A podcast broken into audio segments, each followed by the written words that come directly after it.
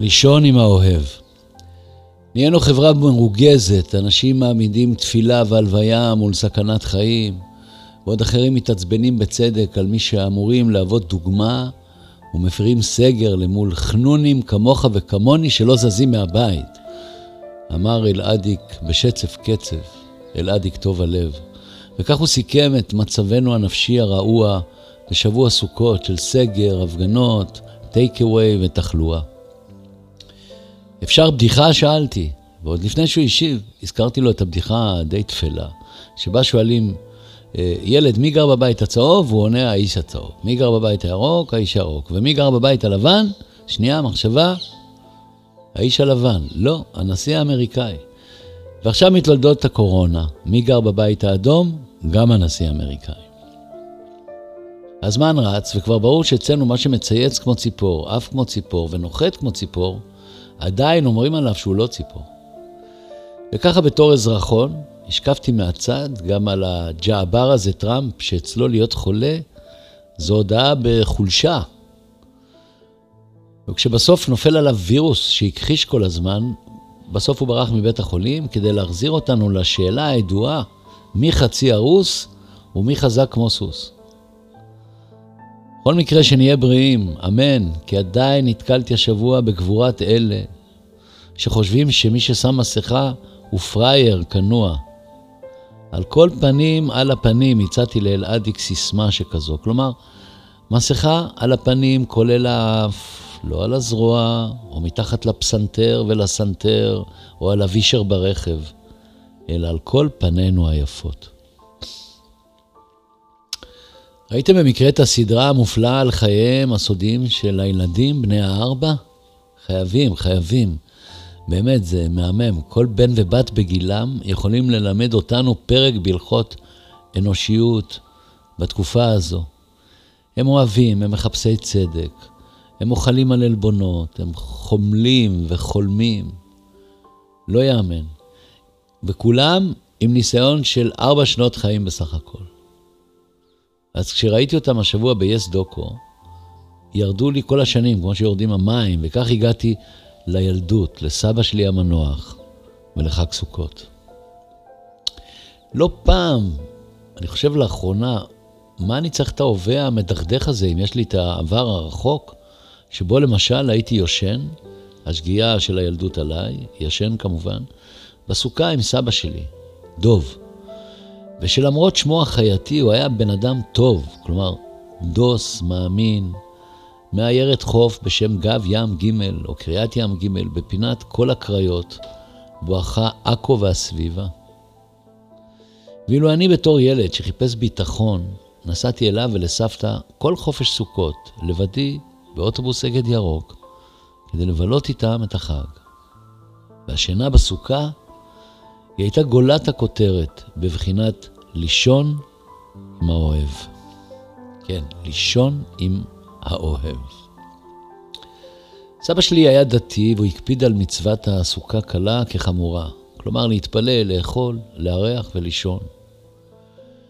ואני חושב שלו היה חי היום, הלוואי, היה שומר על uh, כללי הסגר ומתפלל לפי ההוראות, כי הוא לא היה דווקאיסט, אלא אדם הגיוני וישר, שאגב גם שר נהדר לפני התיבה ובבית. אבל הכל ספקולציות, ולמול החיים שנמצאים כרגע בנקודת רתיחה דרמטית, וכל מיני פרשנויות מכל הסוגים והמינים על מה יהיה הלאה, שחלקן באמת מיותרות לחלוטין. אני מציע קודם כל בשם סבא את האופציה הפשוטה. לקחת אוויר, לנשום, להביט סביב ולחשוב לעומק. ויאללה, בואו נשים כבר את המסכות. נכון שלא נראה את הפרצופים של עצמנו איזה שנה, לא נורא. ממילא כולם מזדקנים בדרך אל החורף. כששמעתי שחקנית תיאטרון אחת אומרת שהמקצוע של המת, זה ממש קרע לי את הלב. כמו משהו שנלקח ממך, כמו משהו שלעולם לא תוכל להחזיר אותו. נכון, גם אני לא עובד במוזיקה כמו פעם, כלומר, מושבת הופעות. מה שגרם לנכדה שלי, נעמי, אפילו לשאול אותי בתמימות מכאיבה אם עוד אשוב להופיע. אבל הנה נחמה שמצאתי בספר חדש בשם המין האנושי, היסטוריה של תקווה, מאת רוטחר ברכמן ההולנדי, יש להם הרבה חטאים. הוא מספר שכאשר היטלר הפציץ את לונדון, הלונדונים, קרי הרוח, כתבו על הפאבים שלהם, החלונות שלנו אינם, כלומר התנפצו מהפצצות, אבל המשקאות שלנו מעולים, ייכנסו ותנסו. טוב, זה לא בדיוק מה שהולך פה, כי החלונות פה סבבה, אבל הפאבים סגורים. אבל רוח הדברים, כן, היא הייתה אצל הלונדונים שהם לא נשברים. הם התייחסו לבליץ הגרמני, ההפצצות החזקות האלה, כמו אל רכבת מאחרת. כלומר, שכל הזיפט הזה זמני וזהו. שווה להפנים.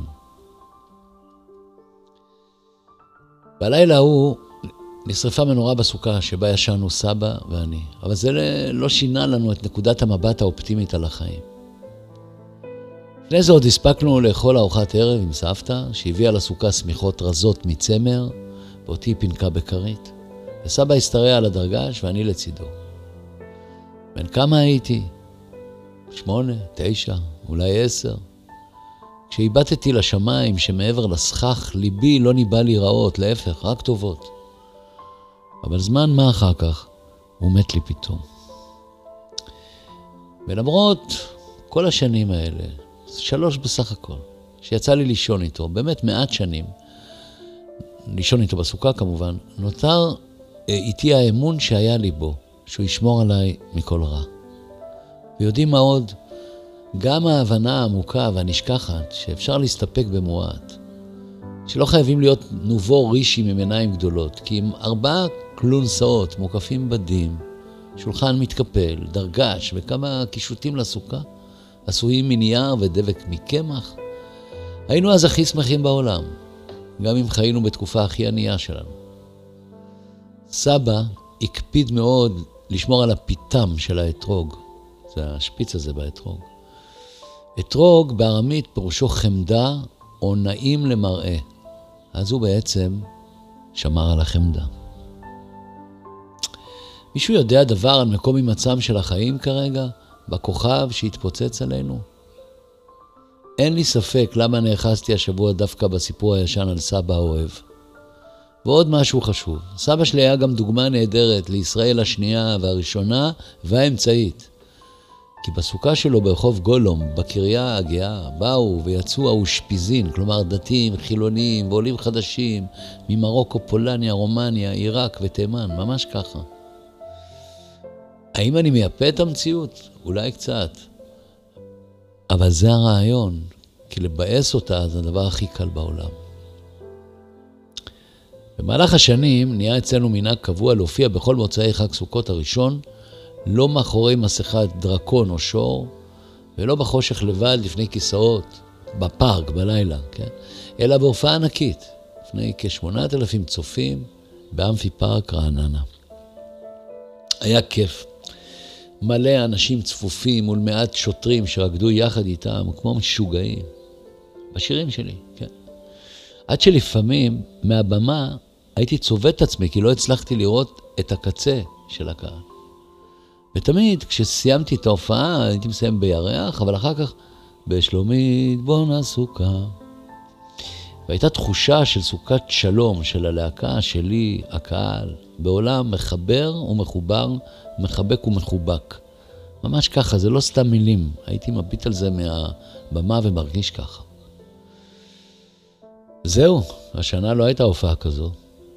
והשבוע כשחברה וחבר קיבלו הודעה עם ציון שלילי מקופת החולים, הבנתי שזה הציון הכי טוב שאפשר לקוות לו בימים אלה, לעומת הציונים החיוביים שההורים שלנו רצו שנביא פעם מבית הספר.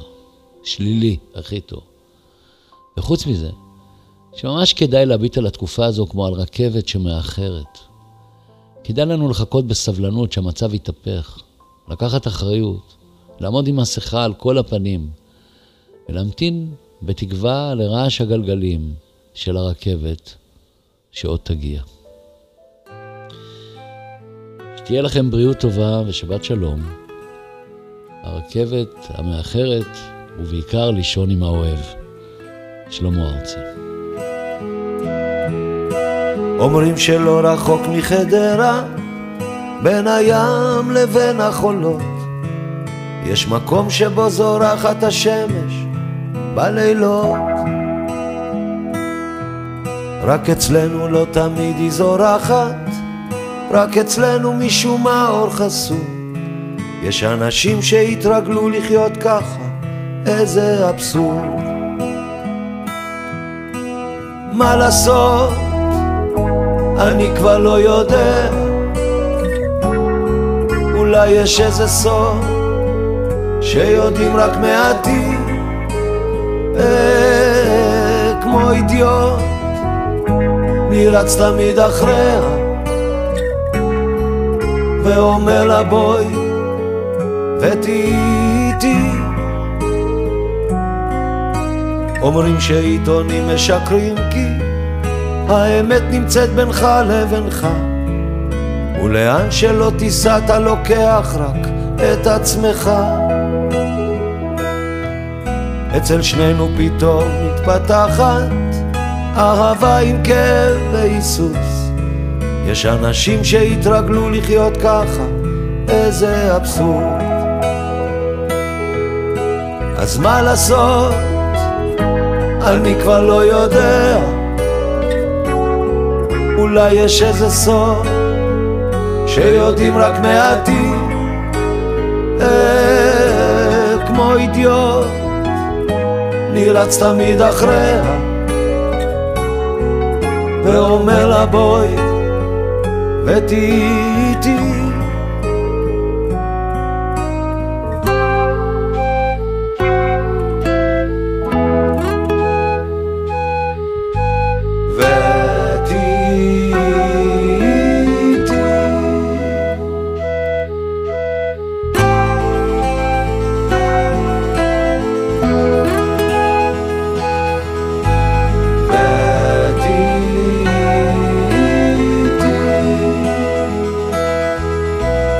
ואומרים מה לא אומרים על חיינו שהם קצרים וחסרי כל ביסוס.